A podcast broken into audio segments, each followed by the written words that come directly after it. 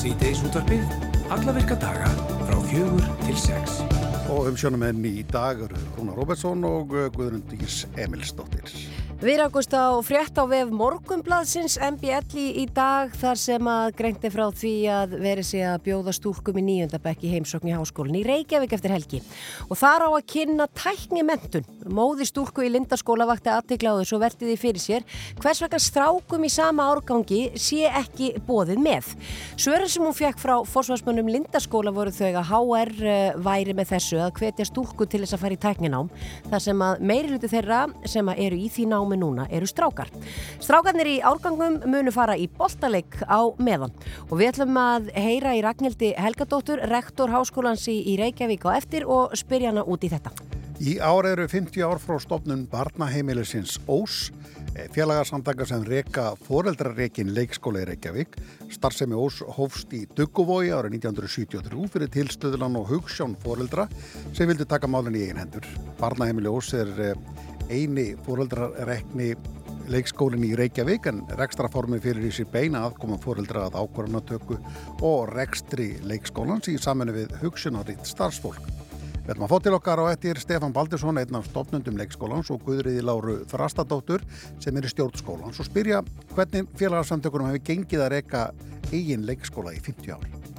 Mikið verður um að vera um helgina hjá áhuga fólki MMA barda íþrótta en heljarnar mót fer fram hérlendis eh, sem og uh, uh, hvað er ég að lesa hérna? Sem og við eigum uh, Já, já, ég, seti, ég skrifa þetta vilja segja sem og við eigum eh, keppindur á móti Erlendis. Já, já, já Þetta er bæði ég er heim og Erlendis. Þetta segir sér algjörlega sjálftrúna minn, þetta er bara ég í rullinu Þeir Pétur Marno Jónsson sem að rítstýri nettsíðinni MMA frettir og Kristján Helgi Hafleðarsson yfir þjálfari Mjölnis og Markvaldur Íslandsmeistari ætla að koma til okkur eftir og þeir geta bara sagt okkur miklu meira frá þessu. Já, já, hvað er um að vera um helgina? Já. Og það er að tellja það upp allt núna en, en sjómanandagurinn er núna á sunnudaginn og við ringjum Við erum að ringja til Lóðsvíkur þar sem að Rödd Síðaradóttir er stödd en hún er skiptstjóri Trillukarlakursins. Rödd stopnaði Trillukarlakórin sem gjörning í tengslu við heimildamitt hennar skuld sem hún frumsýndi á Skjaldborg á Patricksferði um nýliðna helgi. Í myndin er að finna lagið eh, Þosk Bæn, lag eftir Björgun Haldarsson við texta frá eh, Kristján eftir Kristján frá Djúbalegg í flutningi Kristjáns Torfa, trillurskipstjóra. Við ætlum að spjalla við raut á eftir þar sem hún verður á hljómsveitræfingu og forröðnastu myndina og kórin og svo þetta að fá að heyra lægi líka. Já, já, já. Uh, Gaggarna glíman, netöryggiskeppni ungsfólks verður haldinn um helgina. Gaggarna glíman er undakkeppni fyrir netöryggiskeppni Evrópu og markmið hennar er að menta ungt fólk í netöryggi og hvetja það til þess að leggja það fyrir sig sem atvinnu. Og Hjalti Magnússon, hann er formaðið keppninar, hann ætlar að koma eftir. Já, kemur í lók þáttar en við ætlum að byrja á þjóðtíðaleginu hér eftir smástönd. Heyra nýja þjóðtíðalegin. Já. Það er hérna MC Gauti sem flyttir það og dagurinn í dag er, er... Það er dagurinn í dag. Það eru margir sem býða alltaf spenntir húnar eftir þessu lægi. Það er svona margar þáttið upp á sömar. Já, getur verið. En það sem er mér veist oft markað upp á sömar svo kemur mér í sömar gýrin þegar að veðrið er nú þannig eins og sumstar á landinu núna. Vel hlýtt. Það er það hér. Ó, þetta er frábært. Þetta var líka fyrstu dagur í þessu. Þetta eru stuðmenn. Betri tíð.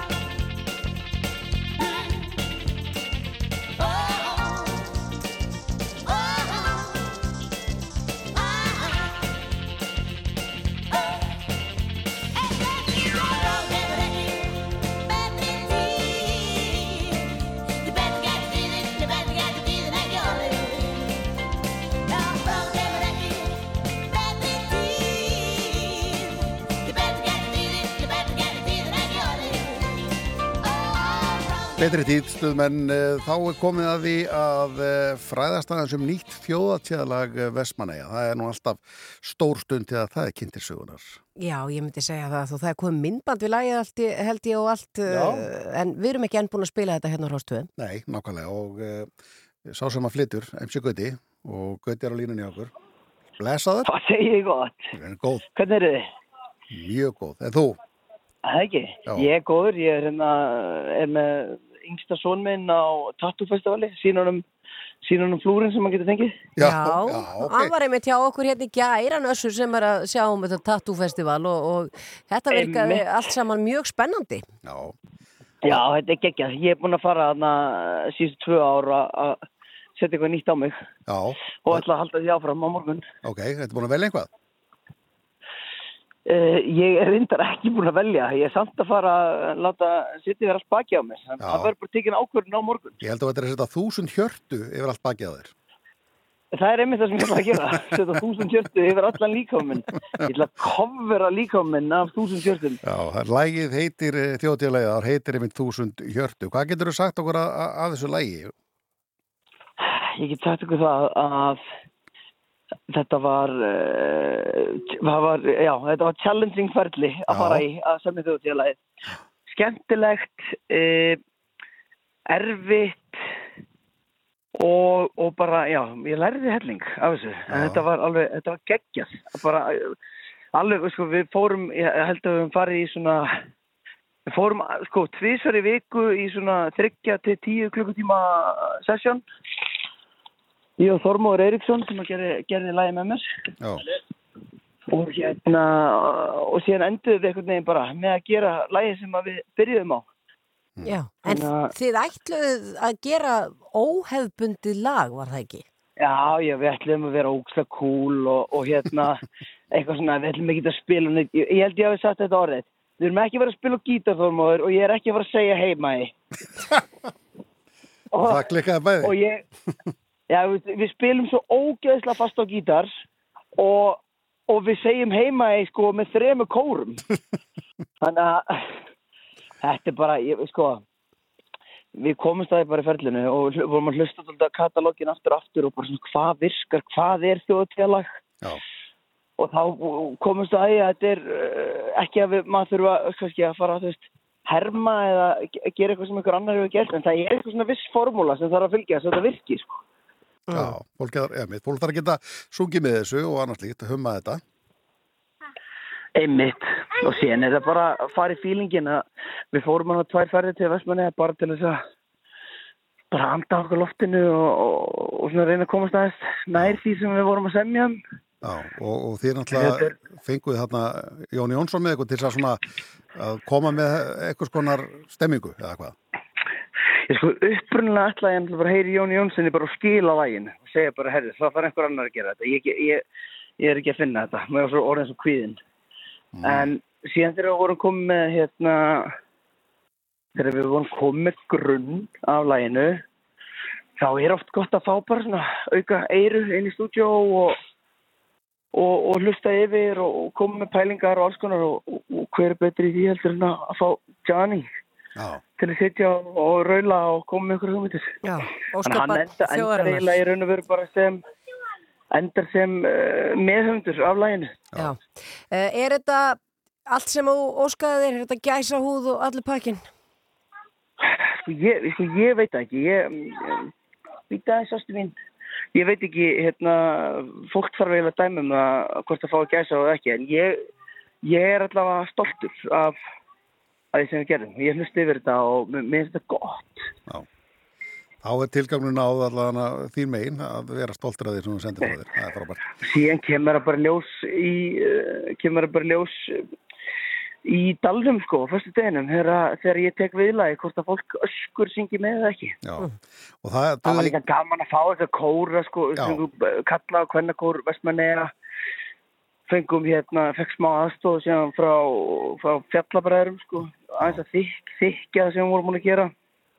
Einmitt. Þetta var bara einn Já, veit ég ætlaði að segja, döðu ekki eitt kór heldur þrý Já, heldur þrjá, Já, þetta er bara, þú veist, ef maður er að byrja svo verður maður bara Þetta alveg upp. Áttu huga bara frýs, já. Við ætlum ekki að trublaði lengur á tattoo-háttíðinni eh, MC, bara Takk, takk einlega. Nú ætlum ég að fara, ég ætla að fara að flúra börni mín. Og svo ódýrt er að þeir eru svona lítill. Það er batnaðarslatur. Já, tegur svo snöfnum tíma. Bestu hverjur og til hamingi með lagið. Takk. Já. Þetta helgar hann. Takk, takk sumleiðis og við skulum eh, heyra þetta uh, þjóðtíðalag, það held ég að sé bara málið, það skella því á núna. Það heitir Þúsund hjörtu, nefnsi gutti, flytur.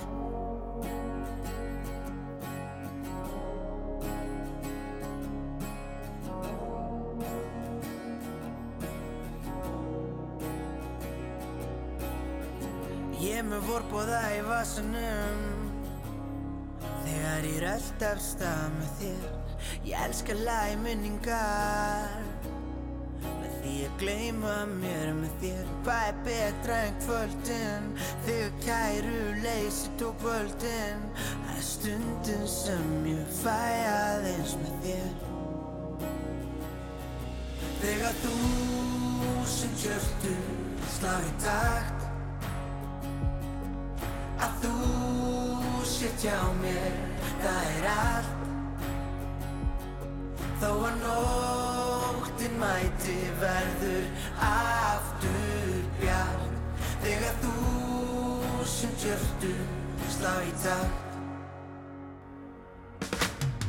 Ég finn orkun að magnast, markfaldast Dag og hveður sólinn sest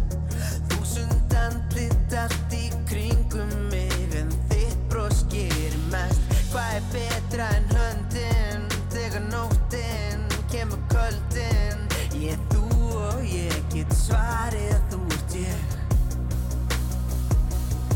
Þegar þú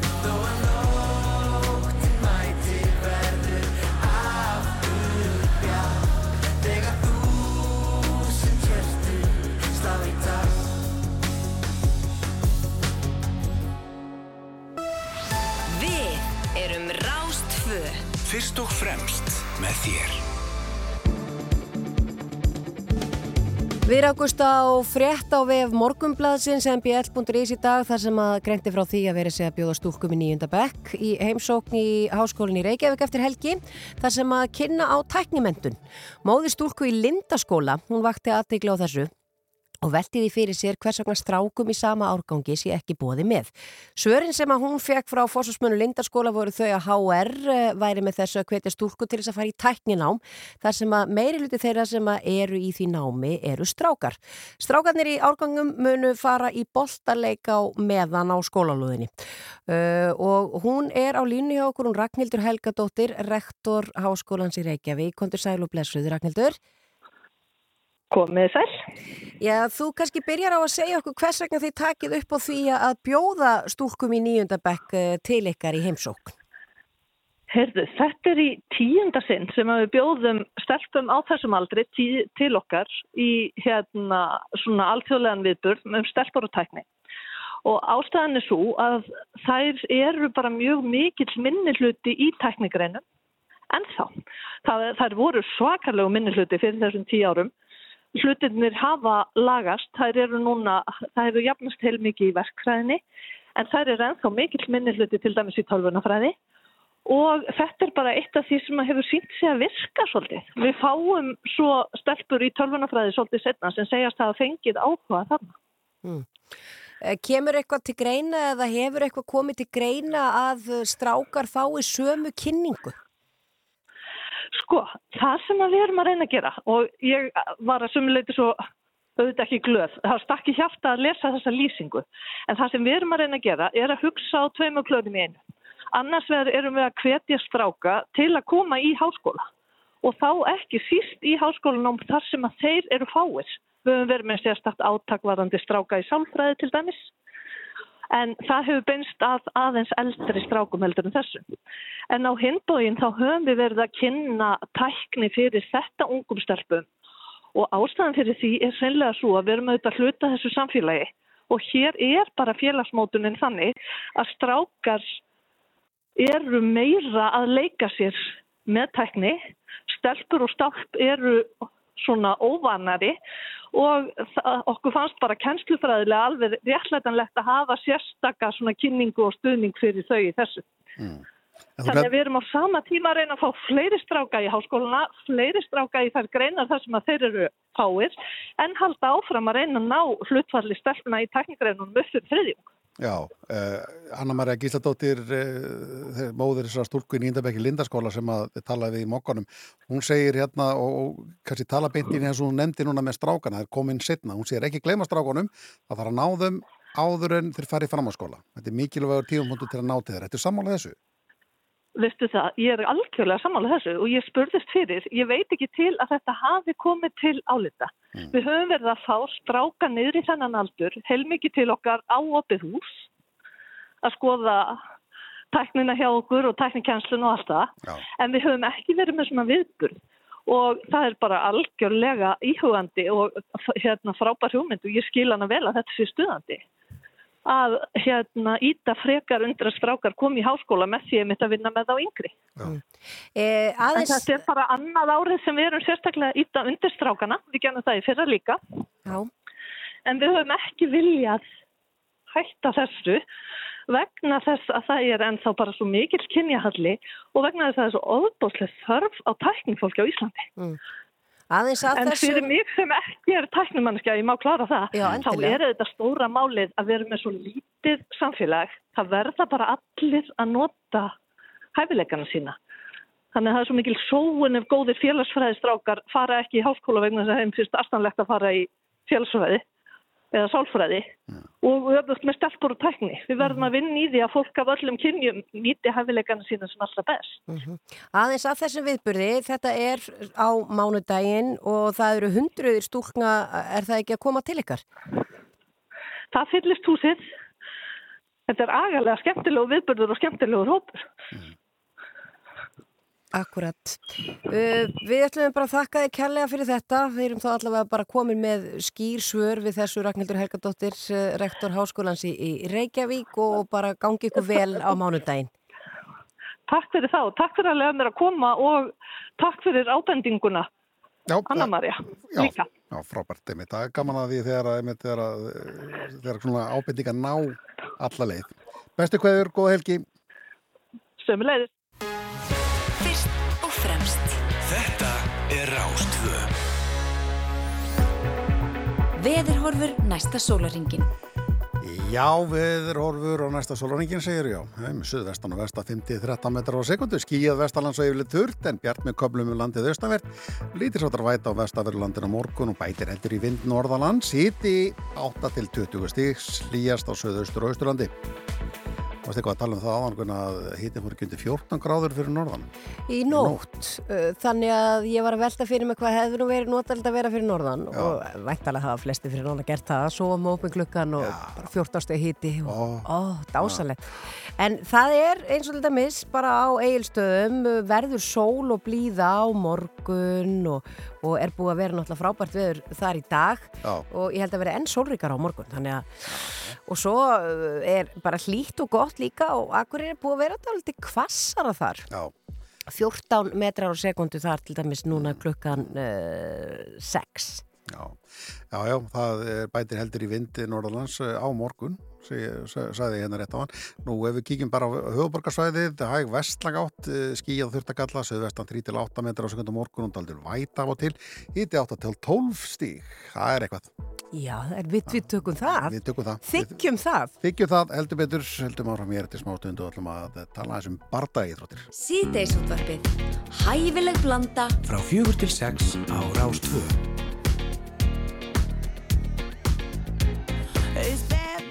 O'clock, yeah, it's thick 30.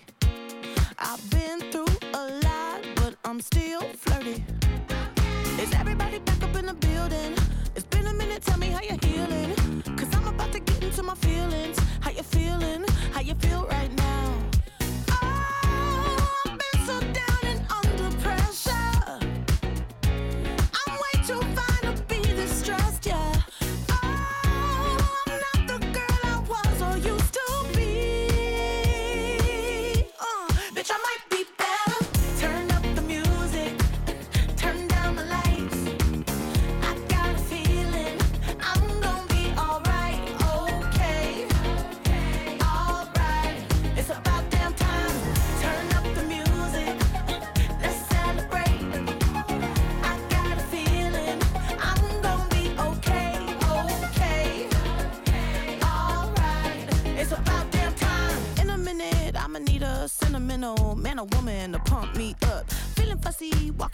walking in my Balenciennes, trying to bring out the fabulous. Cause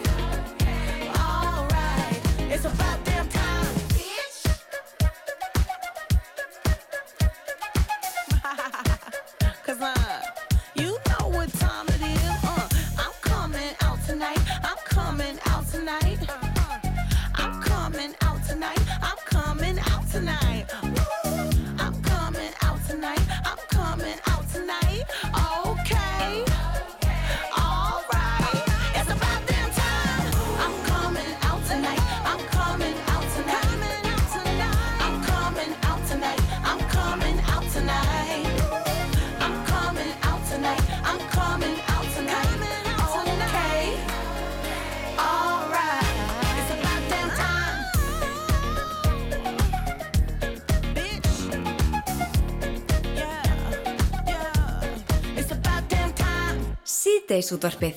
Á Rástvö.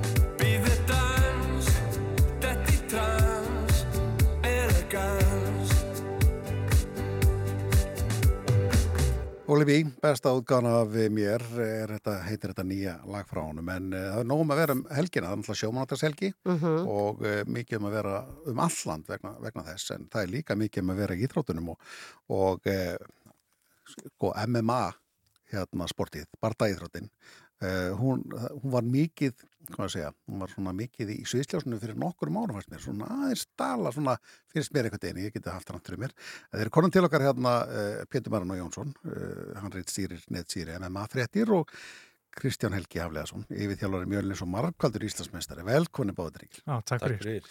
Er ekki rétt hjá mér? Það er, það, það er heljarinnar helgi hjá ykkur. Jú, þetta er bara mjög stór helgi okkur. Fyrsta leið erum við með sem sagt, úrslitin í Unbroken-deildinni, eins og hún kallast, sem er svona bara glímudeld. Er ekki, það er ekki MMA, heldur bara Nei. svona braslis jutsu eða uppgjafar glíma. Já.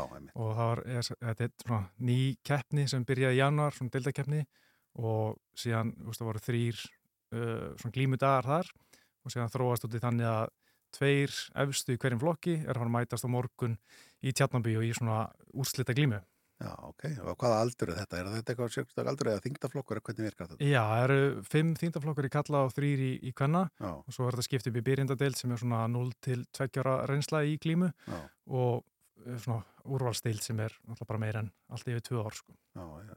Hvernig, fyrir ekki, já. ef þú ert að æfa í mjölni, Mm þá ertu vantarlega að glíma, eða hvað er fólk í mjölni að gera? Það er alls konar sko, við erum náttúrulega með glímu eða braslist YouTube sem er svona eh, einn af hotsteinunum í félaginu bara sem félagi var stopnað svona í kringum og svo erum við auðvitað líka með MMA og box og kickbox en við erum auðvitað líka með yoga og crossfit og hérna vikingatrygg þannig að við erum með mjög svona fjölbreytt svið sko en svona hotsteinin hefur alltaf verið kannski bara íþrótunar en alltaf þreki tekur mjög stóran sess líka Já, e- þetta er náttúrulega vitlis í mér að sé að vel hérna, mingað eitthvað áhugin á þessum bardaíþróttum eða sl- slíku. Þetta er bara meira að, að þegar að hvernig er að keppa mm -hmm. að þá einhvern veginn sé, sé, verður maður meira var við þetta. Er ekki þáttengandafjöldin hjá okkur alltaf já, mikill, er ekki mikið lasokn í þetta, Kristján?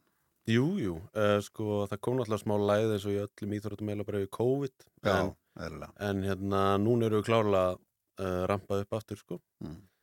og æfingar og yrkendur alltaf fjölgar núna bara Já. Hvernig er kynjalututin? um, Svona sirka, þú þurfum ekki að vita það nákvæmlega. Já, sko það er náttúrulega fullt af mjög flottum glímustelpum sem er að æfa lengi og, og til þess að keppa morgun eru sko tvær algjörða góðsagnir að keppa á móti ykkur annari, Inga Binda sem er fyrsta íslenska konundalif á svarta, svartabeldi Jöts og, og Auður Olga sem er einu sem fyrst alltaf keppa bara eh, konan á Íslandi, búin að keppa sem 2006 eða eitthvað og þeir eru að fara að mæta aðstu morgun. Þannig að þetta er svona, þú veist, það er alltaf tölvöld fleiri strákar. Eins og ef við erum með 100 mannum mót þá eru kannski 70 strákar, 30 stelpur svona. en í barna og úlingastarfinu hjá okkur í mjölni er svona 50-50 næstu sko eða þú veist, Já. stelpur og strákar Þannig að það er að vaksa hérna kynnslóður og grasi sem að bara eru ógislega til í þetta. algjörlega Mm. Svo er það okkar keppandi á erlendi grundu.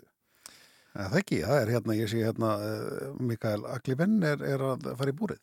Já, hann er svona barnastjarna sem er orðin 19 ára Já. hérna, hann er búin að vera, hann er einn af fjórum sem er að fara að keppa morgun á bardagkvöldu Englandi hérna, og þeir eru hann að keppa svona áhugamanna barda í, í MMA og það er Mikael Aklibin sem er að fara að keppa sinn 5.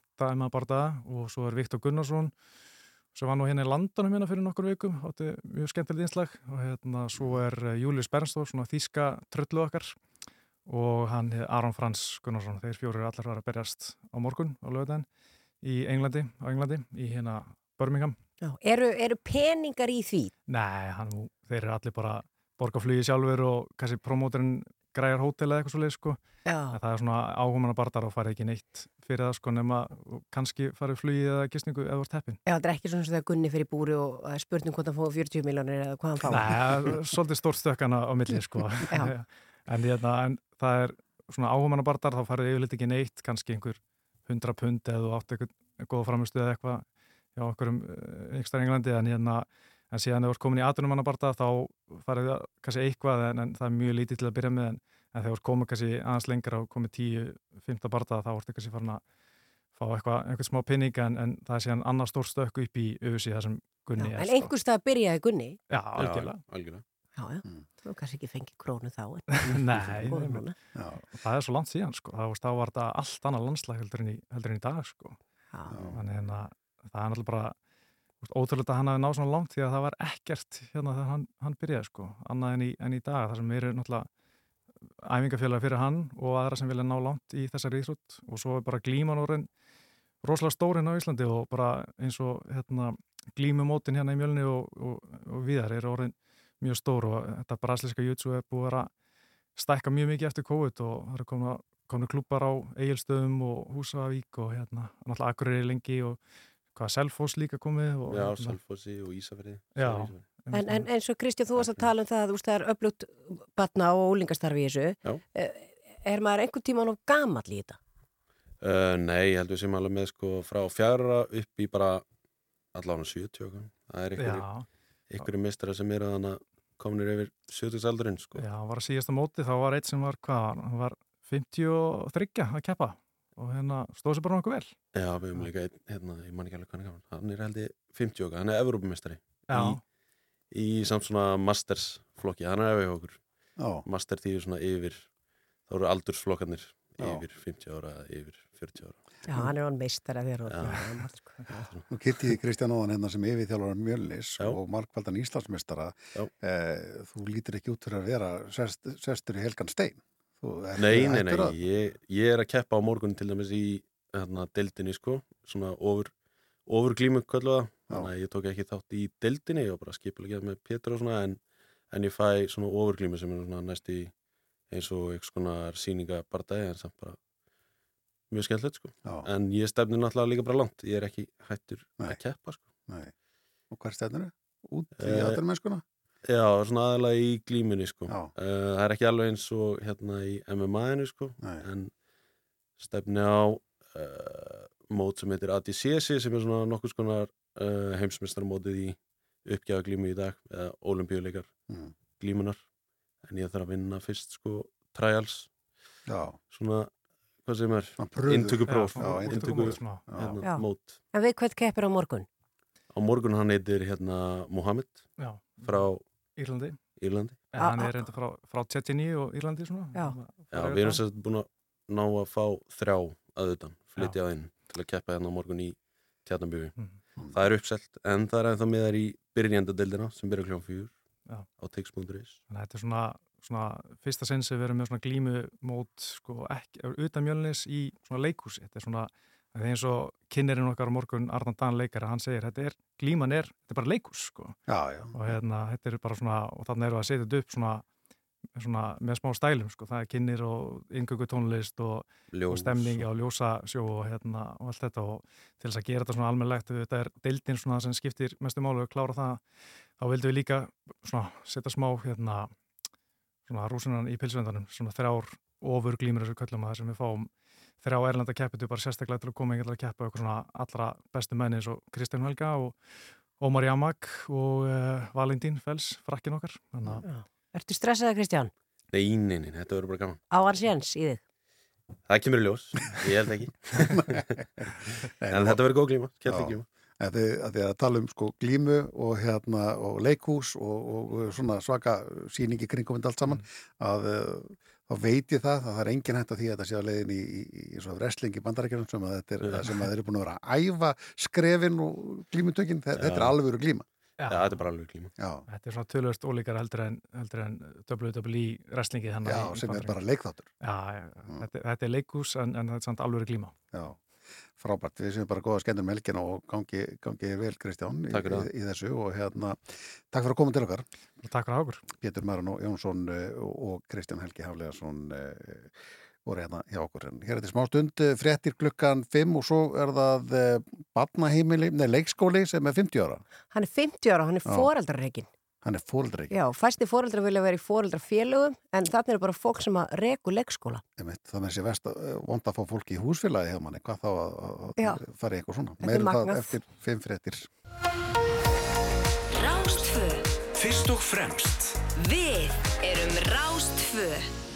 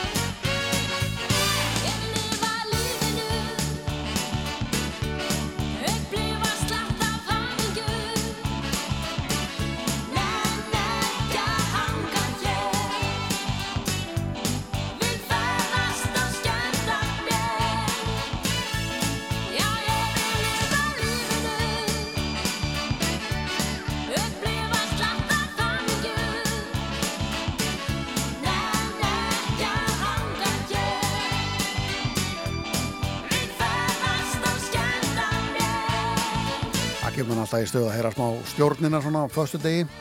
Það er mikill fössar í þessu rúnar. Já, það er svolítið svo leiðis.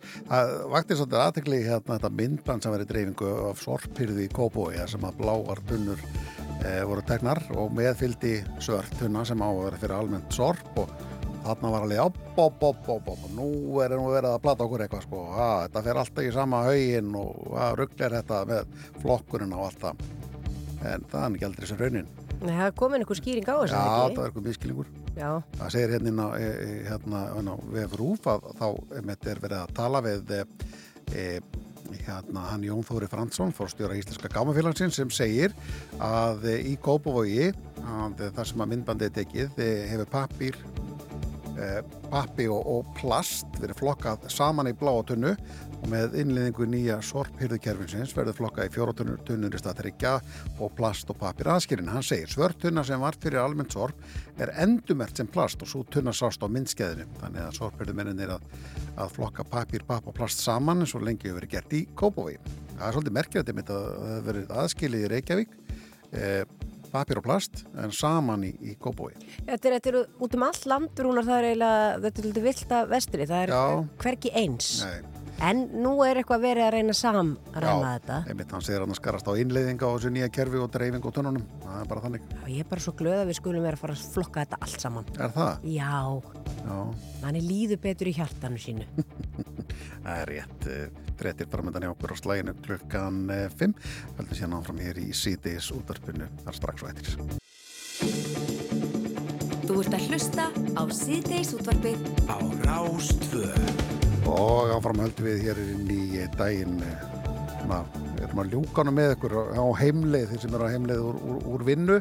Að reyna að spila alltaf skemmtilega tónlist svona inn á milli tölum við skemmtilegt Ekki Það er líka öruglega fullt af fólki rúnar að ferðast á milli landsluta núna. Já, fyrir það Já, ég heyrði alveg fólki í, í morgun sem ætlaði bara að bruna eitthvað, uh, já, fara suðulegðina og bruna eitthvað austur. Já, ok, Eðlilega, sólin er þar einmitt og við, veljum, við erum sólarsjúk. Við Það er viljum, svolítið svo leys já, já. einmitt að hérna, svo erum við að, erum við að fara að ringja uh, á Ólasvík Já, við ætlum að ringja þangað á eftir af því að það er alltaf skemmtilegt koncept. Það er sjómanadagurinn og okkur langar að fara að hýta þessu upp fyrir hann. Já, Uh, það er manneska þar sem heitir Rut Sigurdóttir, hún er stöddafna því að hún er að fara að taka þátt í einhverju sjómanadags húlum hægi. já, Hún er skipstjóri trillukallakórsins og þetta er sagt, kór sem hún stopnaði í tengslu við heimildamind sem hún var að uh, búa til og var verið að frumsýna hana held ég bara um síðustu helg. Já, á,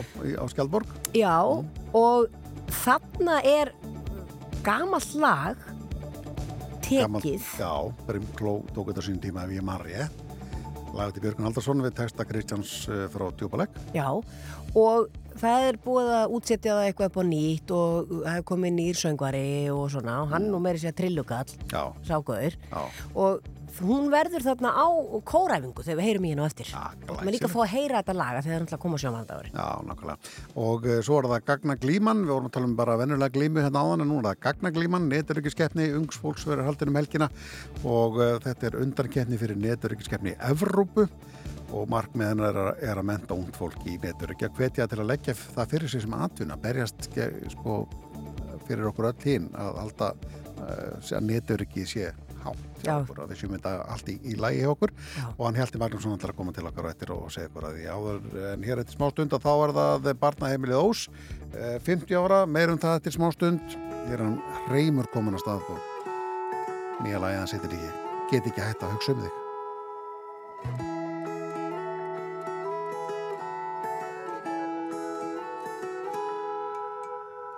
Það er bara þú sem mig dreymir um Dæin út og inn, ég hugsa bara um hvað þetta geggja líf. Því að heimurinn stendur í stað. Er þú brosið til mín, þú ert það eina sem ég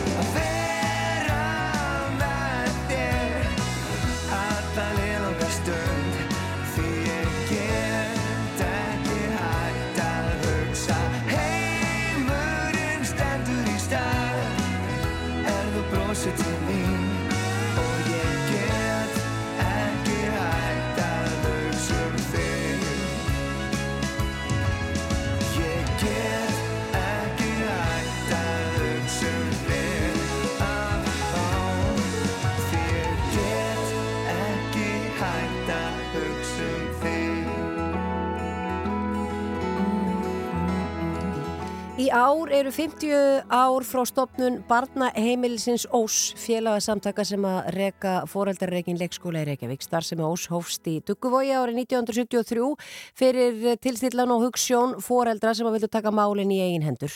Barnaheimilið Ós er eini foreldarreikin leikskólin í Reykjavík en rekstraformið felur í sér beina aðkomi foreldra að ákvarðanatöku og rekstri leikskólans í samfunni við hugssjónaríkt starfsfólk. Og þau eru komininga til okkar, Stefan Baldursson, einn af stopnendum leikskólans og Guðrýður Lára Þrassadóttir sem er í stjórn skólans. Komið í sæl og blessuð. Sæl. Sæl. Í 50 ár, þetta er langu tími, eh, við ættum kannski bara að byrja á byrjunni. Hvers vegna fóru þið, Stefán, út í það að stopna leikskóla fyrir 50 ár? Að hluta til út af algjörum vandraðum. Við vorum, vorum færn hjón sem höfðum uh, verið í góðu sambandi og mörg okkar eða flest höfðu kynst út í Stokkólmi þar sem við vorum í framhaldsnámi. Og nú vorum komin heim og með lítilböld og það var sem sagt, uh, já, af mikillin auðsinn og líka svona ákveðin hugssjón sem þetta fór að stað. Að einhver okkar sem hefði verið þarna í námi meðlans hérna, Sigrún Júliusdóttir félagsráðgeði sem var í hóknum hún hafi kynst einhverju svona álíka í Svíþjóð og við, sögum, við verðum bara að stopna í einn leikskóli ef þetta gengur, það var hvergi hægt að koma börnunum af sér eða frá sér meðan við vorum all að vinna. Svo við hérna það var okkur til haps kannski að um þessa myndir þá voru sett ný lög í landinu að ríkið ætti að styrkja byggingu eða stopnum svona leikskóla að því gefnu að borg, að sveitafélagin, þar segir Reykjavík borg í þessu tilfelli, kæmi með ja, mikið framlag og þannig fór þetta stað. En var þetta því að e, flesti leikskólar á þessum tíma voru bara fyrir einstað mæður? Átti mikið þannig, við vorum bara ekki í þessum hópum sem áttu greiðan aðganga leikskóla, það var bara ástandið var þannig. Það átti bara annar aðilin að vera heima og sinna... Já, þess vegna, þess vegna það var svona í þjóðfélaginu segja, þannig var, var þetta Já. Já, en við sem sagt fórum að stað þegar þessi, þessi lögur eru komin og þá var þetta aldrei langur og, og oft hlæli og slagur borgina þegar þeir voru eitthvað voða senið til að samþykja þetta allt og voru farinir að kalla okkur þennan litla hóp áhuga fólk og menning og listir sem var aldrei langsótt og þó ekki því að við unnum við það flest. Þannig að þegar að við vorum búin að fá grænt ljós á styrkina þá auglýstum beinlega reynlega í blöðunum eftir fólki til þess að fá svona meiri variasjón í foreldrahópin því að þetta hefði spurst út og það voru aldrei margir úr, úr listgreinunum sem voru konur í byrjuðina en svo auglýstum við og þetta kom fólk úr öllum áttum. Og það var ákveð að veru 15 börn á hérna, heimilin til að byrja með. Og það var svona, hugmyndi var að þetta er því svona svo stort heimili. Og þessi 15 börn voru alls saman og þau áttu og markmiði var að öll börnin áttu að kynast öllum foreldrunum og öfugt allir foreldrunir þekkja öll börnin. Þannig að það var inn í skildu okkar, samkvæmt reglum sem við byggum til, að, að einu sinni mánuði þá þurfti hvert foreldri, að þá þurfti eitt hvert foreldri að koma og vera á leikskólanum aðstofa starfsfólkið því að það var mjög fáliða. Við reyðum fórstöðukonu sem hétt Lilja Torp og var bæði Það var eitt að skilja hún fyrir styrkjón líka, hún væri hérna með leikskóla kennara mentun og það var hún og, og svo var hérna Karlmaður sem var mjög ofanlegt í þá tíma, hann var á mótnana, Viðar Eggertsson heitir hann og er landstektur síðan og uh, hann var leistur af í háttegun og þá kom uh, millistakona sem heitir uh, hérna, Steinun Bergsteinsdóttir og hún var þá með börnin eftir hátegi ásamt hérna einhverju foreldrana og svo sáu þær í saminningu matseldina. Þannig að þetta var hugmyndin, þetta væri svona stórt heimili þar sem allir þekktu alla.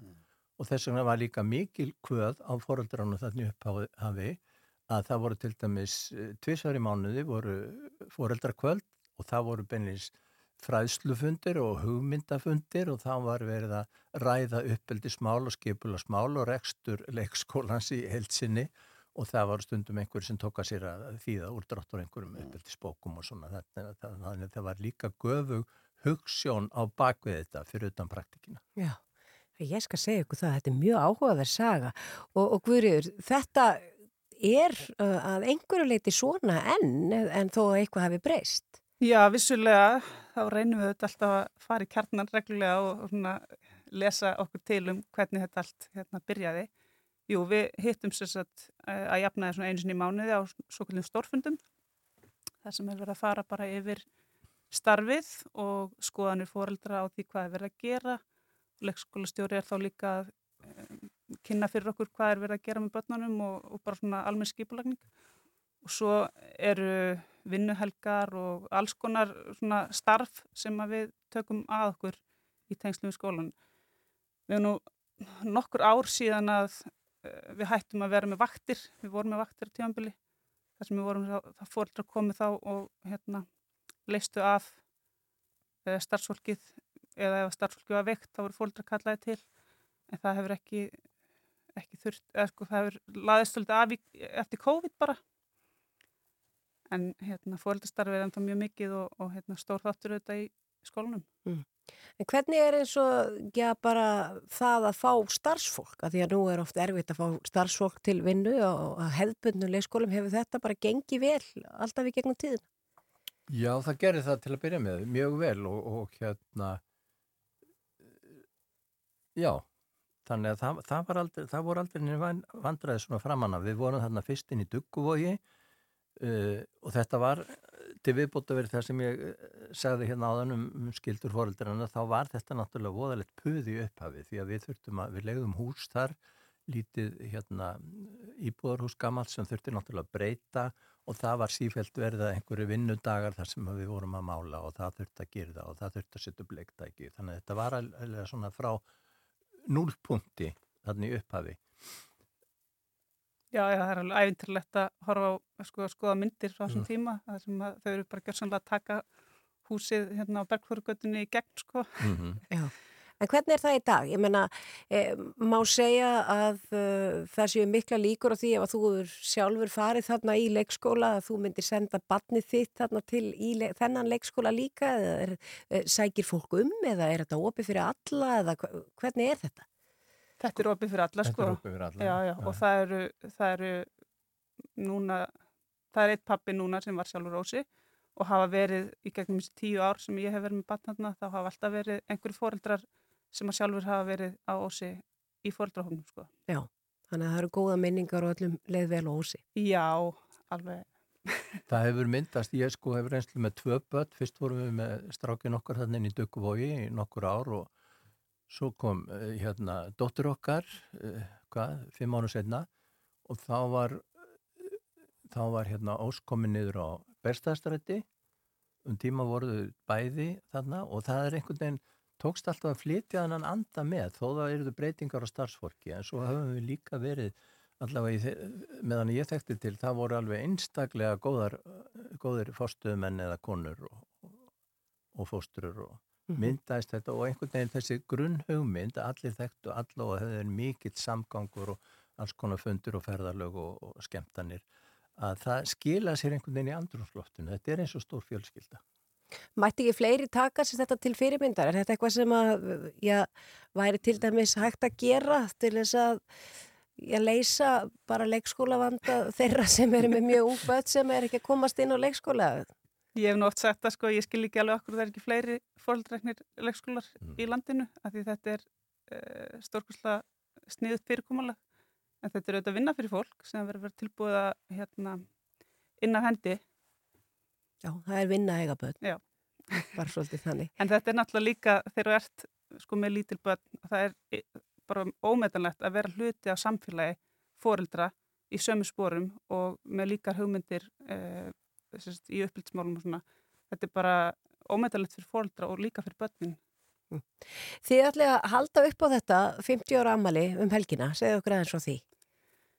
Já, það verður bara svona skemmtilegur ammælisfögnuður að hætti ósara. Við ætlum að byrja klukkan tvö og þar munu eh, hérna, foreldrar úr stafnundahopnum koma að vera með smá ávarp og, og, hérna, og foreldrar sem að jafnprant voru börn eh, sem sérst, á ósi líka talum hérna, um hvað ósi fyrir þeim. Svo verðum við með síningu, svona sögursíningu í húsinu þar sem eru myndir og, og hérna, já, bara svona alls konar hérna, af starfinni gegnum árin því það er mikil fjársjöður sem við eigum af alls konar skjölum og myndum uh, síðan vera bara tónleikar og, og bara parti um kvöldið þannig að þetta verður mjög gaman. Morgundagurinn allir undir bara. Já, Já. Þetta er uh, skemmtilegt. Bara Stefán Baldursson og Guðriður Lára Þrastdóttir bara takk kærlega fyrir að koma hinga í sítegisutbyðu og segja okkur aðeins frá ósi. Og til hafmyggjum með ammælið Takk fyrir það. Þetta er Rástvö Fyrst og fremst. Með þér.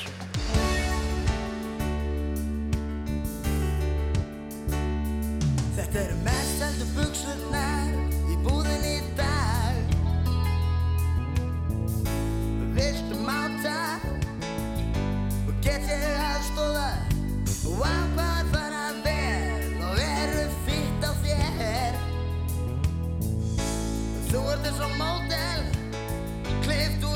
úr auglýsingu frá einn ver að þessum orðum töluðum vindur unga stúlkan sér. Á bakvið borðið og vill fá borgaðar buksurnar Með bros á vör, greiðslan eitt af hendi er. Og hvað er ekki gett til að vera eins og hinnir Og til að vera eins og allir. Og hvernig get ég látið þið hætta? Af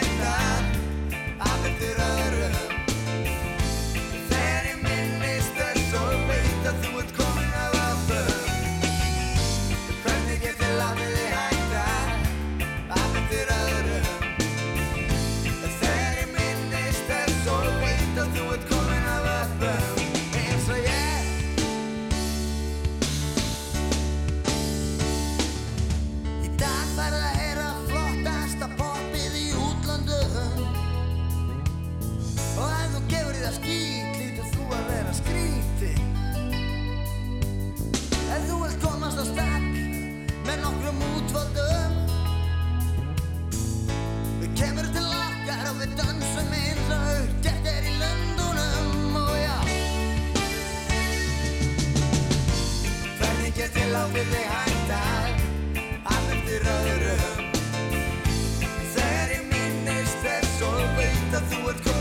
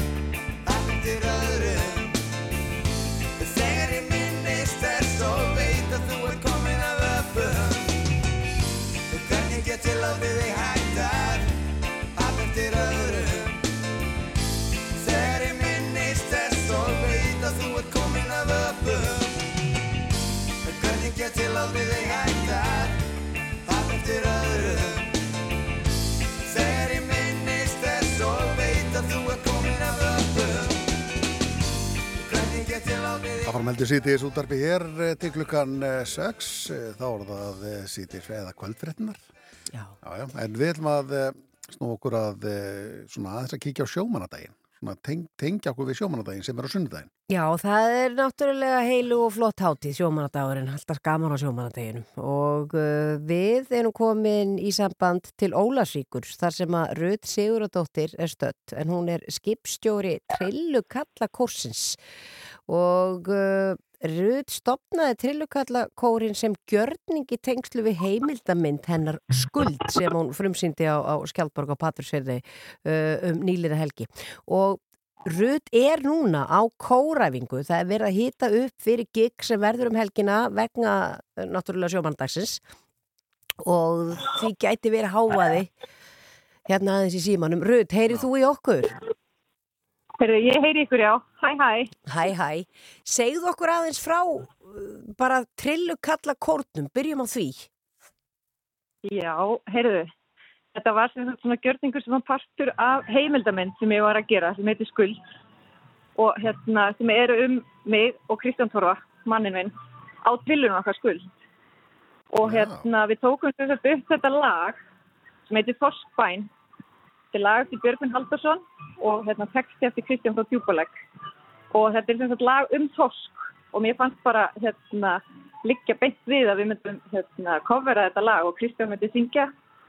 Og auðvitað stopna bara trillukallakór, fá kallana hérna á snæfellsninsinu til þess að hrópa með honum viðlæð og þeir voru líka svona hérna ánaði með þetta og til í, til í að vera með. Þannig að ég kom með hérna hvað, 15 16 trillukallar sem er að hrópa ekki hvort þið heyrið í Jú, jú, jú, heyrðu þeim. Þeir eru að æfa sig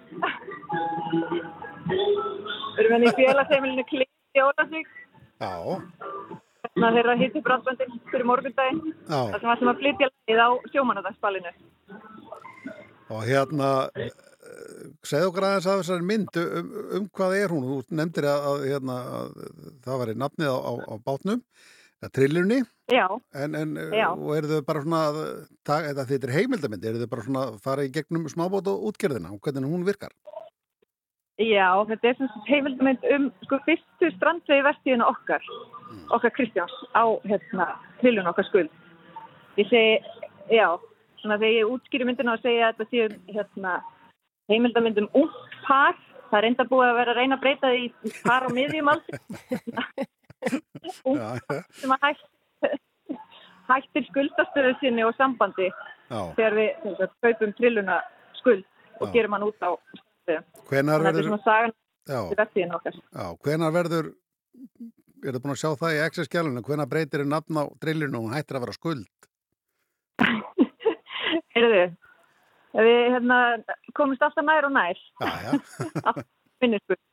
En hérna, já, þetta er ekki, hérna, maður verður ekki ríkur á þessu. nei. Hérna, það eru aðrar, aðrar ástæður og hérna sem að maður er í þessu. Þið voru að hérna, sína þessa mynd um síðustu helgi á Skjaldborg. Hvað verður hún ekki sett í frekari síningar hér, til dæmis uh, á Suðvesturóninu og, og, og kannski víðar? Jú, það er svona hérna planið að hérna mögulega kominni í bíó fyrir sunnan og hérna, já, hún verður líka sínd á rúf hérna fyrir rest, vonandi bara hérna í haustu eða vetur þá geta hérna landsmenn séð hvernig við hérna hvernig á að gera hlutina og hvernig á ekki að gera hlutina á tvillum. Já, eru þið svolítið að læra þetta svona, já, nóðum?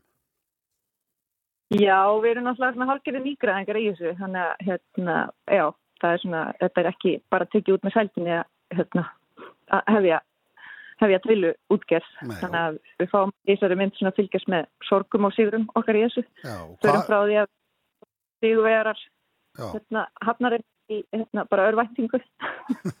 og hvar, eh, hvar eru þið að gera út?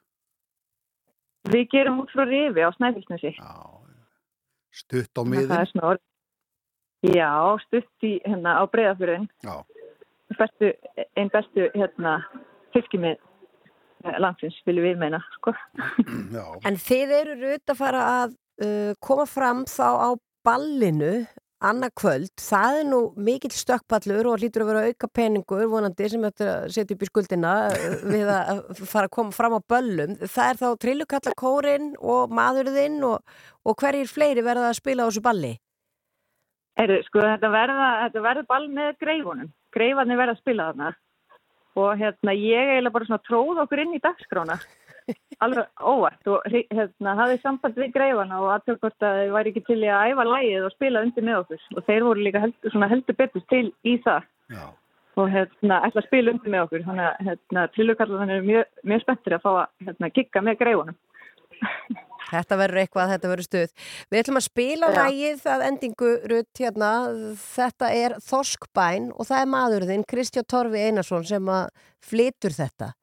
Ásand trillukvölda kortum, náttúrulega, við ekki glemma því. Gekka, gekka, já, æði. Bestu hverður á ykkur að- og góða skemmtunum helgina. Takk fyrir, takk fyrir spjallið. Góð kveðjur.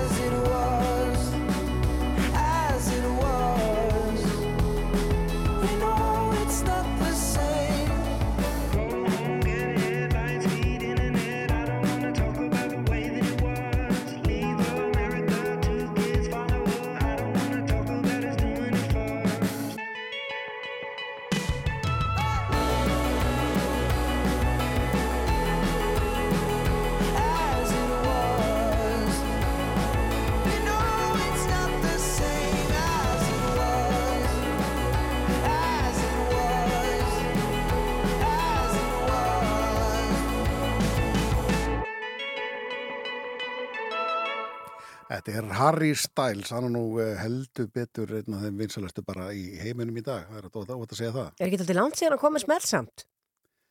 Ég, nei, var það ekki bara fyrir þessu ári? Það er alltaf, hann var að gefa út plötu í fyrra. Já, Mhm. en ég, einhvern veginn að þetta var orðið svona alveg bara, það var hann að sushi restaurant, Já. var það ekki nýjasti? Jú, nú, nei, nýjasti Satellite.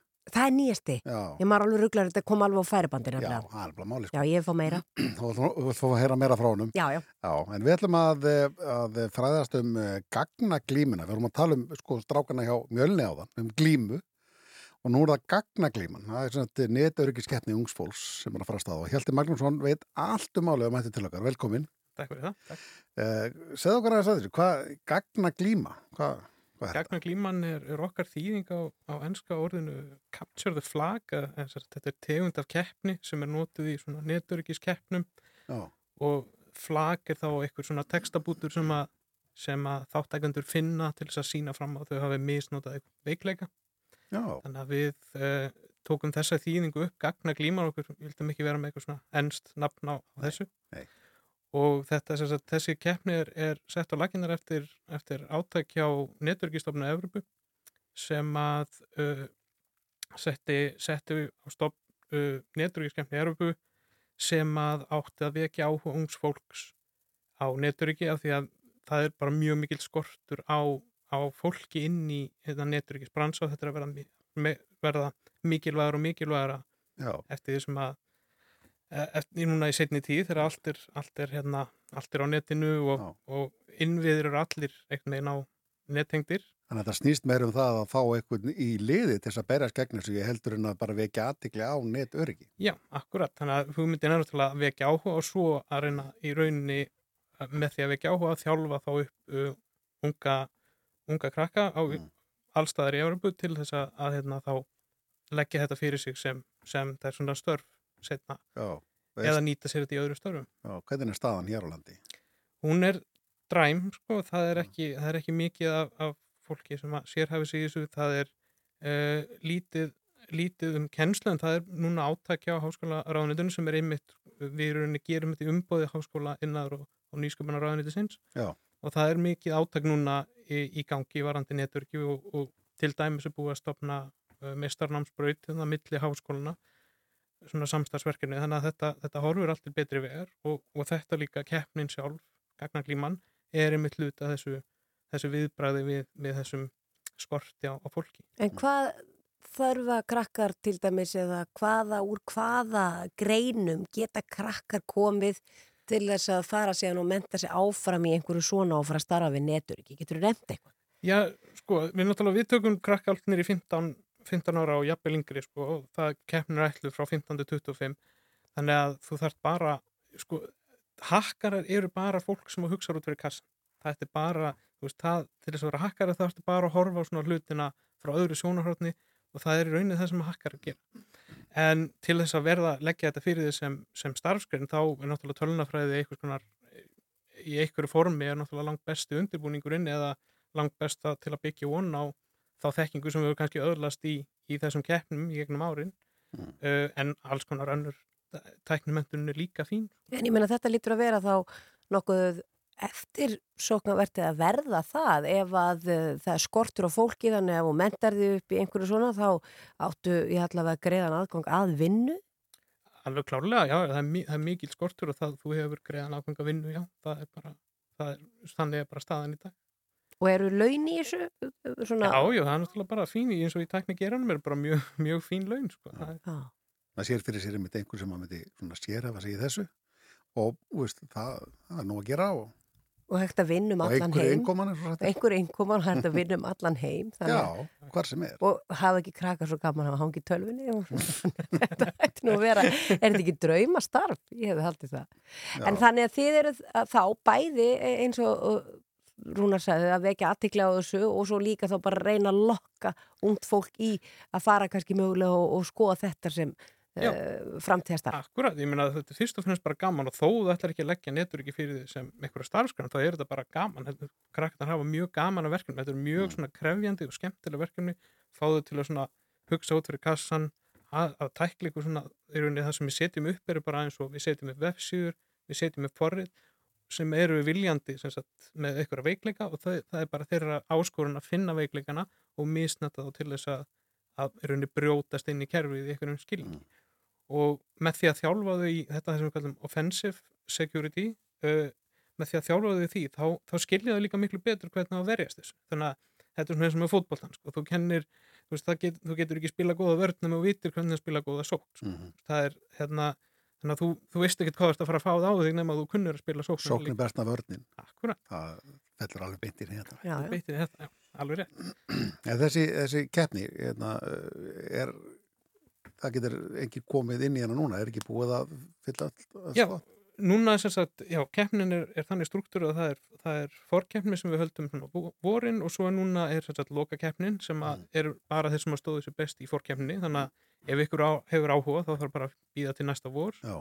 en keppnin verður haldin í, í HR núna sagt, um helgina og, og hún verður opinn þar að segja að fólk getur komið og, og kíkt eða vill Mhm. Er, þetta er ekki svona spectator sport eins og við segjum Nei, og- nei. Já, sko, það verður ekki enga flugöldasýningar eða, eða, eða hérna, reiksprengjur en, Það horfur á fólk í tölvu og horfur á fólk í tölvu en bara ef að fólk á leið hjá um að gera Já.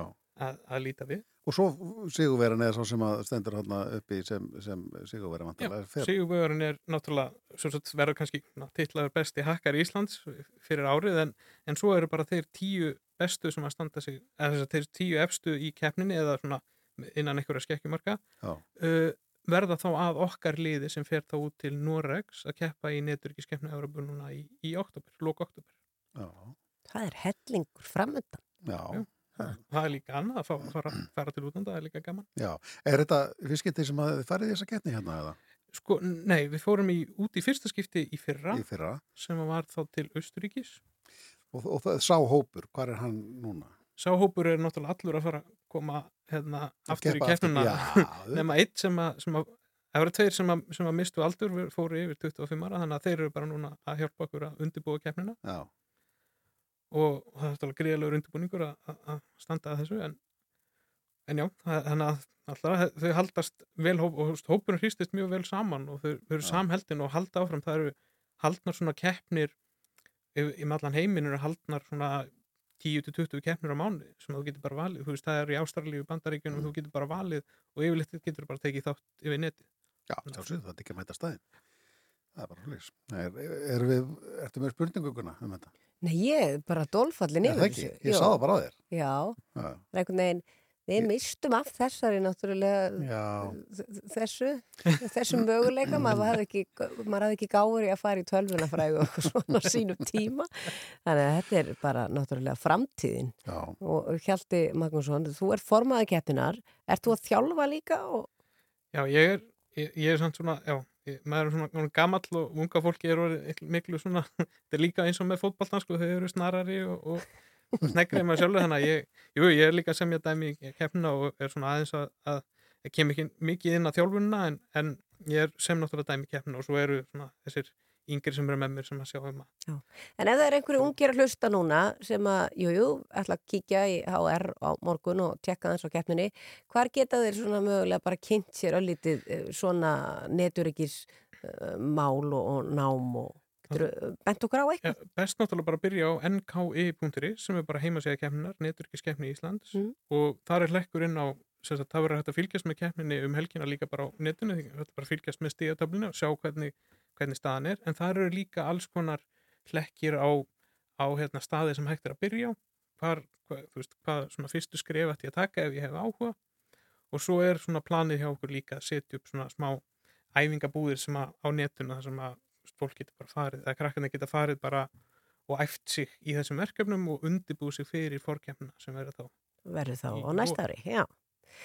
Þetta er frábært. Eh, Hjalti Magnússon formaður eh, þessar eh, gaggana glímu, þetta er bráð, fallegt og hugulegt íslenskt orð. Já, ég er sátt við að þetta var íslenska, Já. þannig að ég er mjög hrifin, ég er hrifin. Mm -hmm. Takk fyrir og góða skemmtunum helgina. Takk hella.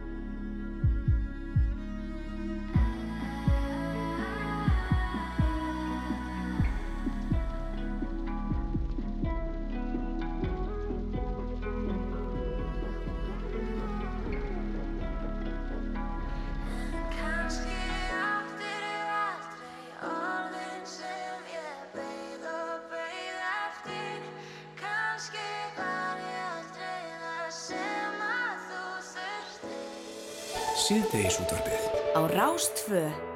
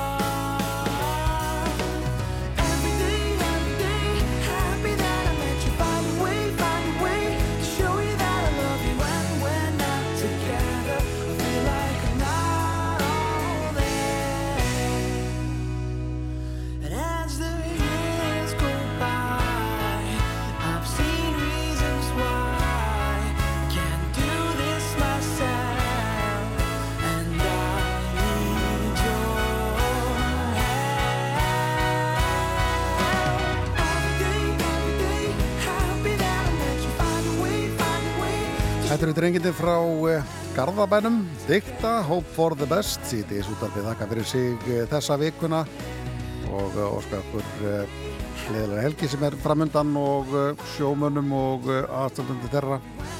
Þetta sem starfa í sjávaröldið til hann ekki með helgina bara, sjómönnundags helgina. Við erum endað þetta hér á Flýðut Makk og þetta er af Rúmus, ef ég maður rétt, You Make Love and Fun. Góða helgi!